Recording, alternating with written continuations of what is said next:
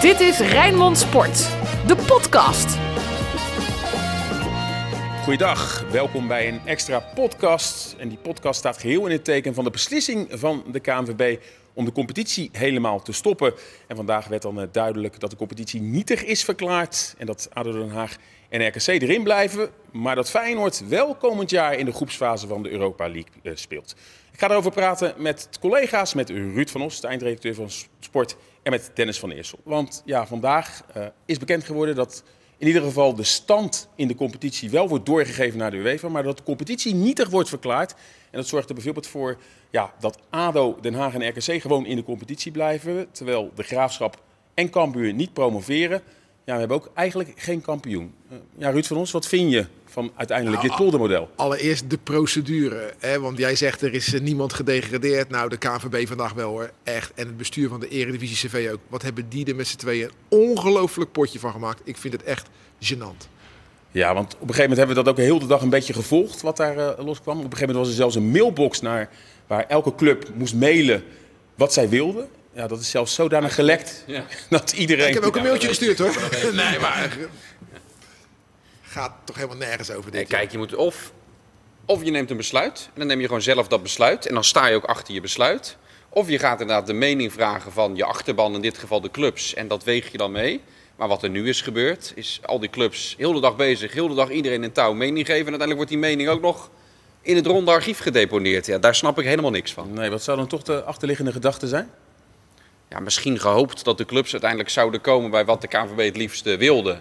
En dan had de KNVB en zijn eigen besluit en de goodwill bij de, bij de clubs. Ja, nu bleek dat die clubs heel iets anders wilden dan de KNVB. Ja, dan toch, eh, toch hun eigen besluit nemen. Ja, had het dan gelijk aan het, eh, van, van Kiet af aan gedaan. Ik denk dat de KNVB toch wat angstiger is voor eh, de macht van, van ADO en niet van RKC, denk ik hoor. ADO dreigde van de week ook al met de ge- gerechtelijke stappen. En dat ze ja, wat dat betreft Cambuur en, eh, en de Graafschap wat minder serieus nemen. En ja, ik- anders kan ik het ook niet uitleggen. Ja, maar niet alleen Cambuur en de Graafschap zijn de grote verliezers, maar toch ook FC Utrecht. En ja, die hebben nu al gedreigd met een advocaat. Ja, ik weet niet of dat wel wat... eh, Ja, omdat wat- ze geen Europees voetbal toegewezen krijgen. Hè? Dat Ja, ook, eh, terwijl ze wel in de bekerfinale stonden, eigenlijk 90 minuten Ja. verwijderd van een eh, Europa League groepsfase ticket. En als ze de inhaalwedstrijd tegen Ajax hadden gewonnen, hadden ze eigenlijk gedeeld 50 gestaan met Willem II. Ja, ik kan me wel wel voorstellen dat die zich wel tekort gedaan voelen. Ja, kijk, eh, volgens mij zei Ruud het van de week toen we al een, een FC Rijnmond in quarantaine hierover hadden. Zei hij, welk besluit er ook gaat komen, je hebt te maken met winnaars, als je ervan kan spreken, eh, en met verliezers. Nou, in dit geval zijn dan inderdaad Cambuur, de Graafschap en Utrecht. Eh, ja, die, die zijn het zwaarst in door getroffen. Eh, maar uiteindelijk, had je, uiteindelijk is het ook voor de KNVB en, en sowieso een situatie waarbij nooit iedereen naar de zin gaat maken. Want anders had Willem II er nu weer naast gegrepen, terwijl die boven Utrecht stond. Dus zo blijf je altijd blijf je aan de gang. Maar als je dat weet, hè, dat je het nooit iemand naar zijn zin kan maken, dan is het natuurlijk totaal onlogisch om mensen te laten stemmen. Ja. Want hadden ze dan echt verwacht dat het, dat het een unanieme stemming zou zijn? Nee, natuurlijk niet. Je hebt altijd voor- en tegenstanders. En dan heb je in dit geval 16 clubs die ervoor zijn dat ADO degradeert. En dan 9 die dat niet zijn. En dan kies je toch, geven die 9 hun zin. Ja, dat slaat helemaal nergens op. Dit is echt een brevet van onvermogen voor wat daar in Zeist allemaal zit. Joh. Echt. Ik heb het al eens vaker gezegd, de, de, het betaald voetbal in Nederland, dat zijn eigenlijk allemaal amateurclubs. Alleen ze hebben meer geld dan amateurclubs. En dat is vandaag ook weer gebleken, joh. En zelfs de leiding is amateuristisch. En Dennis, wat gaat er met die bekerfinale nu gebeuren? Want er is dus ook geen bekerwinnaar. Terwijl Nee. er wel een bekerfinale programma stond tussen Feyenoord en Utrecht. Nou ja, niks. Ja, daar gaat niks mee gebeuren. Die bekerfinale gaat nooit gespeeld worden. En officieel komt er ook geen bekerwinnaar. Eh, Feyenoord krijgt wel dat ticket voor de groepsfase Europa League. Zullen we het zo denk ik nog wel meer over hebben. Over de gevolgen voor Feyenoord. Van alles wat er vandaag dan besloten is. Eh, maar technisch gezien eh, is er dit seizoen geen bekerwinnaar. Die finale is nooit gespeeld. Er is ook geen kampioen. En daarom dus ook geen promovendi en degradanten. Ja, geen kampioen, dus ook geen kampioen Ajax. Nee. Stonden wel bovenaan. Maar goed, daar werd wel een beetje gezegd, is het wel eerlijk? AZ, dat evenveel punten had, had twee keer van Ajax gewonnen. Is wat dat betreft misschien dit toch, zeker bovenin, hè, als we even Ja. naar de bovenste plekken buiten FC Utrecht kijken, de meest eerlijke oplossing? Ja, nou, ik heb vandaag wat rondgebeld. Ehm, eh, eh, het, hangt, het, het hing echt wel aan elkaar vast. Dus het was of het een of het ander. Of je verklaart de competitie, de competities, inclusief de beker, nietig. En dan gebeurt er dus niks. Dus officieel geen kampioen, geen tegen dat de beslissing die er nu genomen is. Ehm, of je doet dat wel, je laat clubs promoveren en degraderen. Maar daar hangt ook gelijk aan vast dat je dan dus de tussenstanden als eindstand maakt. Dus dan was Ajax kampioen. eh, dus dan had er op een of andere manier een bekerwinnaar aangewezen moeten worden. Eh, dat zou dan Feyenoord zijn geweest. Maar het was of het een of het ander. Feyenoord naar de groepsfase van de Europa dat is League. mooi. dat is mooi. Dat is mooi. Maar dan gaan we er wel van uit dat we eh, wel weer gaan voetballen op 1 september of later. En, en dat er ook, eh, want er worden nu tickets verdeeld op basis ook van voorrondes. En PSV moet een voorronde spelen. En ik dacht gelijk bij mezelf, welke voorrondes? Ja. Wanneer willen ze dat in hemelsnaam doen? Nee, Want dat, dat wordt ook een hele puzzel. Het is eh, allemaal eh, leuk en aardig dat dit nu bedacht wordt. Maar zie jij ook daadwerkelijk dat en die voorrondes straks gespeeld gaan worden... maar ook dat we daadwerkelijk alweer 1 september, 1 oktober gaan voetballen? Ja, dat, als dat al gaat gebeuren, eh, als ik de virologen mag geloven, ben ik, ben ik zeker niet. Maar dan zeker ook zonder publiek. Ja. Ja, dus je gaat een, een soort van spookvoetbal krijgen als het al doorgaat vanaf september. En dan kan je zeggen, ja, nu hebben we niks, dan hebben we in ieder geval voetbal. Ja, dat is wel zo, maar ja, dit gaat het voetbal zo ongelooflijk schaden. Niet alleen de clubs financieel, omdat ze geen inkomsten hebben, maar ook het imago van het voetbal. Dit wat vandaag gebeurd is, schaadt het imago van het voetbal ook. Ze zijn echt bezig, de bedrijfstak echt aan het om het zeep aan het helpen. Dat vind ik echt eh, schandalig, ons mooie voetbal. We zijn vijf en een half minuut van de twintig eh, bezig, want ik hou het nauwlettend bij.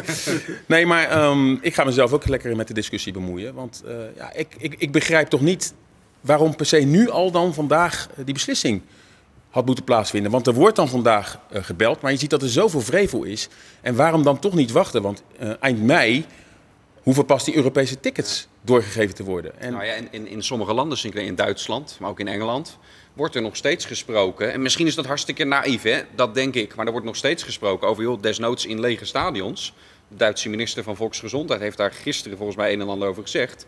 Om toch die Bundesliga uit te kunnen spelen. En dat hij denkt dat dat met bepaalde maatregelen dat dat eventueel te doen is. In Nederland zijn we al, al een, een stap verder. En we hebben het over termijnen die zo ver weg zijn. Het is zo lastig om een beeld te vormen. maar Hoe is de situatie Klopt. Het is wel zo dat minister, eh, Precies. minister-president Rutte eigenlijk dat plan, wat we eigenlijk ook wilden in Nederland, heeft afgeschoten door te zeggen. Dat tot klopt. 1 september geven wij hier in Nederland in ieder klopt. geval niet. Maar, maar daarom het punt waar ik eh, naartoe wil werken. Wat ik echt niet begrijp, er wordt zo'n enorm risico genomen door überhaupt al plannen te maken voor een nieuw seizoen, terwijl er zoveel onduidelijk is. Waarom niet richting eh, dat EK wat er in 2021 is, zeggen voor alle landen, je moet maatwerk hebben voor elk land, want elke situatie in elk land is anders. Waarom niet zorgen dat die competities die er nu zijn, worden uitgespeeld? En na 2021, daar mag ik toch wel van uitgaan dat we dan weer een beetje het normale leven overal zeker hebben. Dat je dan weer echt aan nieuwe seizoenen begint. Dus geef al die landen nou de tijd om het uit te spelen. Maar dan die ga, je, nodig is. dan ga je wel een hele erge competitievervalsing krijgen. In de zin dat je dan een heel ander team hebt staan bij Feyenoord. Maar dat heb je nu ook. Want we beginnen dit hele gesprek over, ja, voor Utrecht is dit weer zuur, voor Cambuur is dit weer zuur.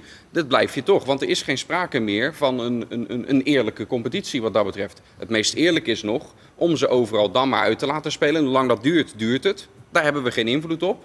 Maar dan laat je het tenminste uitspelen. En je neemt niet het risico dat je begint aan een nieuw seizoen. Moet je je voorstellen dat dat, dat, dat er straks is. En er komt zo'n nieuwe golf. En ook die seizoenen liggen straks op hun gat en kunnen niet uitgespeeld worden. Dan is het leed pas niet te overzien.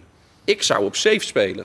En kijken dat er wat er nu nog staat, dat je dat kan uitspelen, wanneer dat dan ook is. En je kan een luxe probleem krijgen dat er opeens, dat je zit straks in december met ja, alles is gespeeld. Wat moeten we nu? Maar daar vind je wel iets op. Dan doe je toernooien. Binnen, daar, daar is de mensheid inventief genoeg voor. Is maar nu wordt, er, dit, eh, nu wordt er een risico nou, genomen. je- Ik zou dat niet doen. Als je die weg opgaat en je zou in december klaar zijn, zou je in januari met een nieuwe competitie kunnen kijk, eh, beginnen. Wat ik mooi vind, het EK wat is uitgesteld, is niet aan één land toegewezen. Zou door heel Europa, dus er is niet één land wat zich heeft voorbereid, zoals Tokio op te spelen, wat heel veel geld heeft geïnvesteerd. Nee, er zijn in diverse landen stadions opgekalefaterd. Dus je kan ook zeggen, laten we het EK gewoon schrappen, zodat je tot en met juni, juli door kan voetballen als je in januari aan een nieuwe competitie begint. En dan zal die ook wel aangepast moeten worden met meerdere wedstrijden door de weekse dagen. Dus de, de- daar is echt wel een mouw aan te passen. Wat Dennis zegt, men, de mensheid is, is creatief genoeg. Maar ook hiervoor geldt, wat je ook doet, er zijn altijd mensen niet blij.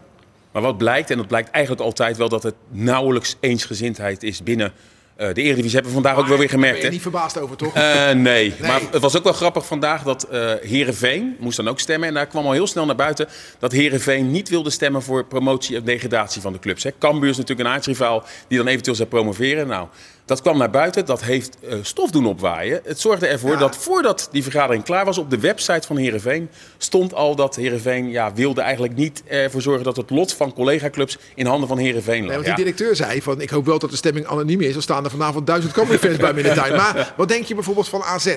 AZ heeft zich ook onthouden van stem. Waarom? Die kan toch niet tegen degradatie van ADO, of voor degradatie van ADO stemmen. Daar hebben ze een half jaar ingewoond in Den Haag. Met, ze hadden geen dak, ze konden nergens terecht.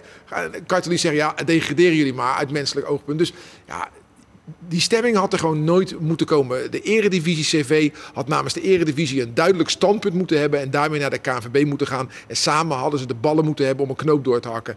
En niet, wat is dit nou joh? Het is alsof ik eh, eh, de, de klas van mijn zoontje uitnodig, alle 30, en dan tegen ze zeg, joh, we gaan stemmen wat we gaan doen. Ja, dat zal toch niet, dat maak ik toch wel even uit. Ja, wat een gek huis joh. Ja, wat heeft eh, deze uitkomst eh, betrekking op de andere regioclubs? Ehm Excelsior, Sparta en FC Dordrecht? Nou, Sparta blijft in de eredivisie, maar dat wisten we eigenlijk al. Daar, eh, daar was geen coronacrisis voor nodig om, eh, om dat zeker te weten. Ja, en Excelsior en Dordrecht gaan, eh, gaan niet richting de eredivisie. Vooral Excelsior wordt dan nog enigszins geraakt. Hè. Er was toch nog wel hoop om in die play-offs te komen, om via die play-offs te promoveren. Maar al heel snel in deze coronacrisis ja, kon iedereen wel weten, die, die play-offs zouden uiteindelijk sowieso nooit, nooit gekomen zijn. Hè. Dat gaf Veridaan ook wel realistisch aan. Dus ja, het raakt ze in hun ambities. Maar aanvankelijk, met nadruk op aanvankelijk, eh, niet meer dan dat. Ja, er was ook nog een optie dat er dan 20 clubs eventueel in de eredivisie zouden gaan spelen. Maar daar was de eerste divisie helemaal op tegen. Hè? Ja, Logisch. Ja. Krijg je echt een schetscompetitie. Heb je, heb je dus eh 18 clubs, waarvan vier van die jonge elftallen die eh, ongeveer min twee toeschouwers meenemen. En die uitwedstrijden slaan natuurlijk helemaal nergens op. Dan hou je er maar 14 over. Ja, op basis daarvan kunnen die clubs ook niet overeind blijven. Die hebben echt een volwassen competitie nodig. En die hebben ook, want nu eh, de Graafschap en Cambuur, dat zijn wel clubs met heel veel toeschouwers. En dat, dat leeft daar enorm. Nou, daar zou je dan RKC en ADO voor terugkrijgen. Niet dat RKC zo'n grote club is, maar ADO zeker wel. Ja, die, die, die vier grote clubs zijn dan weg. Wat, wat hou je dan over? Ik begrijp de, de, de keukenkampioen-divisieclubs wel. Dat ze niet zitten te wachten op, eh, op een onthoofde competitie. Maar goed, toch sommige, sommige eh, verliezers zullen de rechtszaal gaan opzoeken. Eh, we noemden al Utrecht, maar ik kan me voorstellen dat toch Graafschap en Cambuur dat gaan proberen. Denk je dat het juridisch dat ze toch enige kans Ja. maken? En misschien zelfs bij het kast dat daar toch iets voor te zeggen valt. Want ze hebben hun hele seizoen hebben ze ingericht. Ze hebben heel veel geld geïnvesteerd om eventueel te promoveren. Sterker nog, op sportieve gronden zag het er ook naar uit dat met name Cambuur dan een straatlengte voorsprong had. Dat eh, die ploeg ook zou gaan promoveren. Denk je dat dat juridisch houdt Ja, kijk, ik begin gelijk, ik ben geen jurist. Eh, eh, maar wat ik ervan van weet, is dat heel vaak wordt er gekeken naar zaken in het verleden die vergelijkbaar zijn. En op basis daarvan wordt er dan een zaak opgebouwd en heeft kans van slagen of niet. Ja, we zitten nu met een situatie, dit heeft niemand eerder meegemaakt. Maar Eh, heel zo- veel reglementen die er zijn, daar valt dit niet onder. Maar als je zo'n zootje van de procedure maakt, dan zal er een advocaat ongetwijfeld wel iets vinden waar hij de KNVB op kan gaan pakken hoor. Daar ben ik echt wel. eh, ja, op procedurefouten. ja, precies. Ja, op- precies. ja. Want als eh, dat, die stemming gaat erbij gehaald worden. Jullie Maar of, dat, maar of dat betekent dat, neem bijvoorbeeld Cambuur, eh, wat natuurlijk verschrikkelijk zuur is, want die waren anders gepromoveerd. Dan kunnen er wel procedurefouten zijn gemaakt, maar betekent niet 1, 2, 3 dat ze dan dus naar de Eredivisie. Nee, maar je kan gaan. misschien dat het wel zo is dat, als, dat zo'n advocaat zegt: joh, jullie vragen de clubs om eh, te stemmen. Ja. Maar van de stemming uitslag maak je geen gebruik. Nou, dat zou een argument kunnen zijn die, wat in de rechtszaal terug zou kunnen komen. Vooraf ging het er al een beetje om eh, dat die ploegen die nu Europees gaan voetballen, hebben we het natuurlijk over Ajax, AZ, Feyenoord, PSV en Willem II, dat die eventueel wel solidair moeten zijn met de clubs door die inkomsten die ze dan komend jaar binnen gaan halen. Om die te gaan verdelen. Is dat reëel, Dennis? Ja, het, wordt gewoon, het, het wordt min of meer opgelegd eigenlijk hè? In, in, in de brief vanuit de de- Tenminste, zo las ik hem. Het, het verzoek was zo met klem dat het eigenlijk geen verzoek meer, eh, meer was. Hè? Als we toch blijven in de opvoedtaal. Soms geef je je kinderen ook een verzoek. Maar dan hebben ze hè, tot de kamer opruimen. Maar dan hebben ze wel door dat het eigenlijk geen verzoek is. Het is eigenlijk gewoon een opdracht. Eh, dus zo ligt de situatie. En daarbij is de één club die daarbij eigenlijk het meest geraakt wordt. Eh, dat is Ajax. Want die, die schijnen hun Europese inkomsten in de begroting te hebben opgenomen. En als ze daarvan dus een deel van die inkomsten solidair onder de rest moeten verdelen, dan zijn ze volgens mij in Amsterdam zijn ze daar niet, Ja, niet blij bij mee. Feyenoord nooit. Hè? De- daar, daar begroten ze Europese inkomsten niet. Nee. Dus dan is, dan is het altijd winst als je Ja. daar op Europees voetbal winst maakt. Bij Ajax doen ze dat wel. Maakt ze wel heel kwetsbaar als zij een jaartje geen Champions League spelen. Dan scheelt dat echt een heleboel Ja, geld. wat wel interessant is, is dat we eigenlijk met z'n allen ervan uitgingen dat Nederland dit jaar het eh, vaste Champions League ticket terug had. Ja. Maar we stonden op een plaats en dat zorgde ervoor dat dan wel de Champions League winnaar zich al via de automatisch via de competitie moest plaatsen. En dat is natuurlijk niet gebeurd. Dus in principe moeten AZ en Ajax voor ronde Champions League spelen. En dan zou het zomaar kunnen dat ook beide ploegen de Europa League ingaan. Kortom, weinig inkomsten, minder te verdelen. Ja, ik weet niet zo goed wat er gebeurt met die punten die in dit seizoen verzameld werden voor die, voor die coëfficiënt. Vervalt dat ook weer, weer allemaal? Ik weet, niet, ik weet niet of daar überhaupt al ergens over gesproken is. Maar dat zou voor Nederland natuurlijk gigantisch zuur zijn. Want dit was volgens mij best een goed, uh, een, een, goed jaar. Zeker omdat de rivaliserende landen het minder deden. Ja, als dat allemaal geschrapt wordt, is, uh, ja, het zou heel uh, een zure bijkomstigheid het is, ja, het is gewoon, En da daar kan ook op, tot op zekere hoogte niemand wat aan doen door nee. corona. Het is gewoon een puinhoop. Maar het knappe is dat er in Zeist een groepje mensen zit die er van deze puinhoop een nog grotere puinhoop heeft weten te maken. Ja, dat vind ik echt, dat, vind ik, dat verdient bijna een prijs. Ja, dat doe je ook misschien op, op Gudde.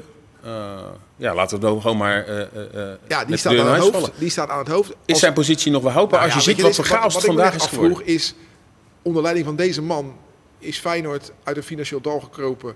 En is het, heeft het vijf prijzen gehaald, geloof ik. hoe dan? Daar kan ik me dan bijna niks meer bij voorstellen. Als je er op zo ogenschijnlijk zo'n rotzootje van maakt.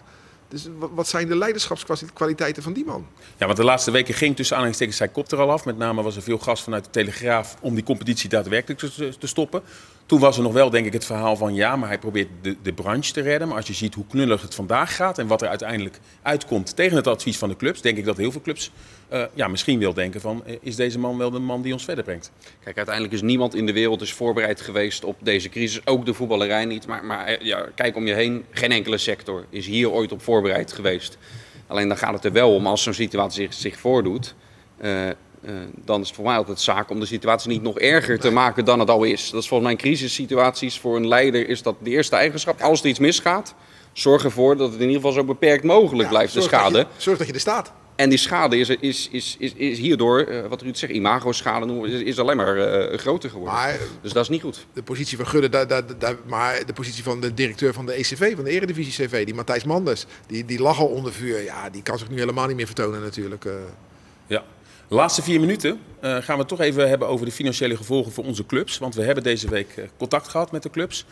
Uh, ja, Dennis, laten we eerst even met Feyenoord beginnen. Wat ja. zijn nou die financiële gevolgen voor Feyenoord nu er ja, misschien wel een half jaar niet gevoetbald wordt in dat stadion? ja. Buiten het feit dat ook een eventuele bekerwinst, daar zit ook een bedrag aan, dat die ook niet wordt geïncasseerd. Nou, het meest eerlijke verhaal, maar dat geldt eigenlijk voor alle vier de clubs waarmee je altijd moet beginnen, is eerst gewoon momenteel heel veel onduidelijk. Uh, dus, dus, de clubs weten het zelf ook niet precies hoe het gaat lopen. Maar je kan je al voorstellen als er zonder publiek uh, gespeeld wordt en die inkomstenderving uh, die er is, ja, dat dat Feyenoord natuurlijk gaat raken.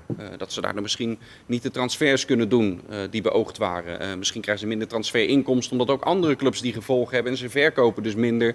en we weten allebei Sinclair de plannen die er waren om de vrienden van Feyenoord uit te kopen, om, om die, die aandelen vrij te maken om investeerders te halen. Het hele Feyenoord City verhaal. Het gaat sowieso financieel dramatisch met het, met het stadion. Eh, met stadion Feyenoord dat eigenlijk onder water staat. Ja, dit, dit eh, ja, draait allemaal door daarheen. Maar hoe het exact eruit gaat zien straks, maar dat geldt ook voor de andere clubs. Ja, dat weet ik niet. Ik heb, ik heb geen glazen bol, maar uh, het is een lastige situatie, laat dat duidelijk zijn. Hoe zit het bij Sparta, Ruud? Ja, we hadden het van de week ook al over. Uh, Sparta is een club die het niet van de multinationals moet hebben als sponsor. Hè. Die heeft een, een aantal MKB'ers als, als sponsor. Al DNS vastgoed is niet een hele grote speler, hè, maar dat is wel de shirtsponsor. Ja, ik denk daar in die sector, in die, die laag vallen natuurlijk de meeste klappen. Ja, en in MKB heb je een aantal bedrijven die garen spinnen bij deze crisis. Die vinden het geweldig. Maar de meeste daarvan hebben het gewoon heel erg moeilijk. Dus, dus Sparta gaat het op termijn ook gewoon heel erg moeilijk krijgen. En als die solidariteit die er vandaag dus zeker niet was in de Eredivisie er niet gaat komen, ja, dan gaat die hele sector, wat ik zeg, dan gaat dat echt afbrokkelen hoor. Dat, uh, ja, dat zei Excelsior-directeur uh, Veridaan ook al. En bij FC Dordrecht, waar je eigenlijk verwacht dat daar misschien de zorgen wel het grootste zijn, heeft uh, Hans de Zeel in ieder geval, ook op onze website te zien, ja. gezegd dat ze zeker aan het volgende seizoen kunnen gaan beginnen. Dat ze dat al voor elkaar hebben. Geloof je erin? Dat ze zich gaan inschrijven en aan de competitie gaan. En gaan dat ze dat financieel kunnen, kunnen dragen. Nou ja, daar, daar, daar geloof ik op zich wel, uh, wel in, hè, van wat, wat de Zeel daarin zei. En hij heeft eerder geroepen van, joh, misschien stappen we er wel uit. Dat had vooral te maken met het stadiondossier in Dordrecht, met die renovatie en de Krommendijk die nodig is. En bij Aantal is nog steeds nodig. Maar ja, de wereld is, is anders ja. dan acht maanden geleden. Uh, het heeft nu absoluut geen nut om daarmee bezig te zijn. Je moet dat ook niet heel serieus nemen. Toen hij zei, we stappen eruit, nam ik hem niet zo serieus. Dat was een dreigement. Nee. En nu zegt hij, joh, we gaan sowieso starten. Ja, wat moet hij dan zeggen? Moet hij, dan, uh, hij wil toch ook seizoenkaarten verkopen? Dus ik kan me dat heel goed voorstellen. Uh, dat hij een beetje praat in zijn eigen strijd, wat er met het beste uitkomt. Dat, dat vind ik logisch. En nu? Wanneer gaan we weer voetballen? nou ja, Ja, ik straks als ik thuis kom met mijn zoon in de tuin. Maar eh, ja, het, het, het, is, het, is, het is erg. Maar even, dat hebben we nog niet gezegd, wil ik toch even benadrukken. Het is niet het allerergste. Er zijn heel veel, heel veel ergere dingen op dit moment gaande in de wereld. En dat wij even niet kunnen genieten van een vol stadion. Het is niet leuk, maar nogmaals, er zijn ergere dingen. De tijd zit erop. De 20 minuten zijn aangetikt. Tot zover deze speciale eh, uitzending van FC Rijnmond. Ik zou zeggen, hou het laatste sportnieuws, want we zijn er de komende tijd niet. Tenzij er natuurlijk wel groot nieuws is. Eh, hou dat in de gaten via Rijnmond.nl of via onze Rijnmond-app. Dit was Rijnmond Sport, de podcast. Meer sportnieuws op Rijnmond.nl en de Rijnmond app.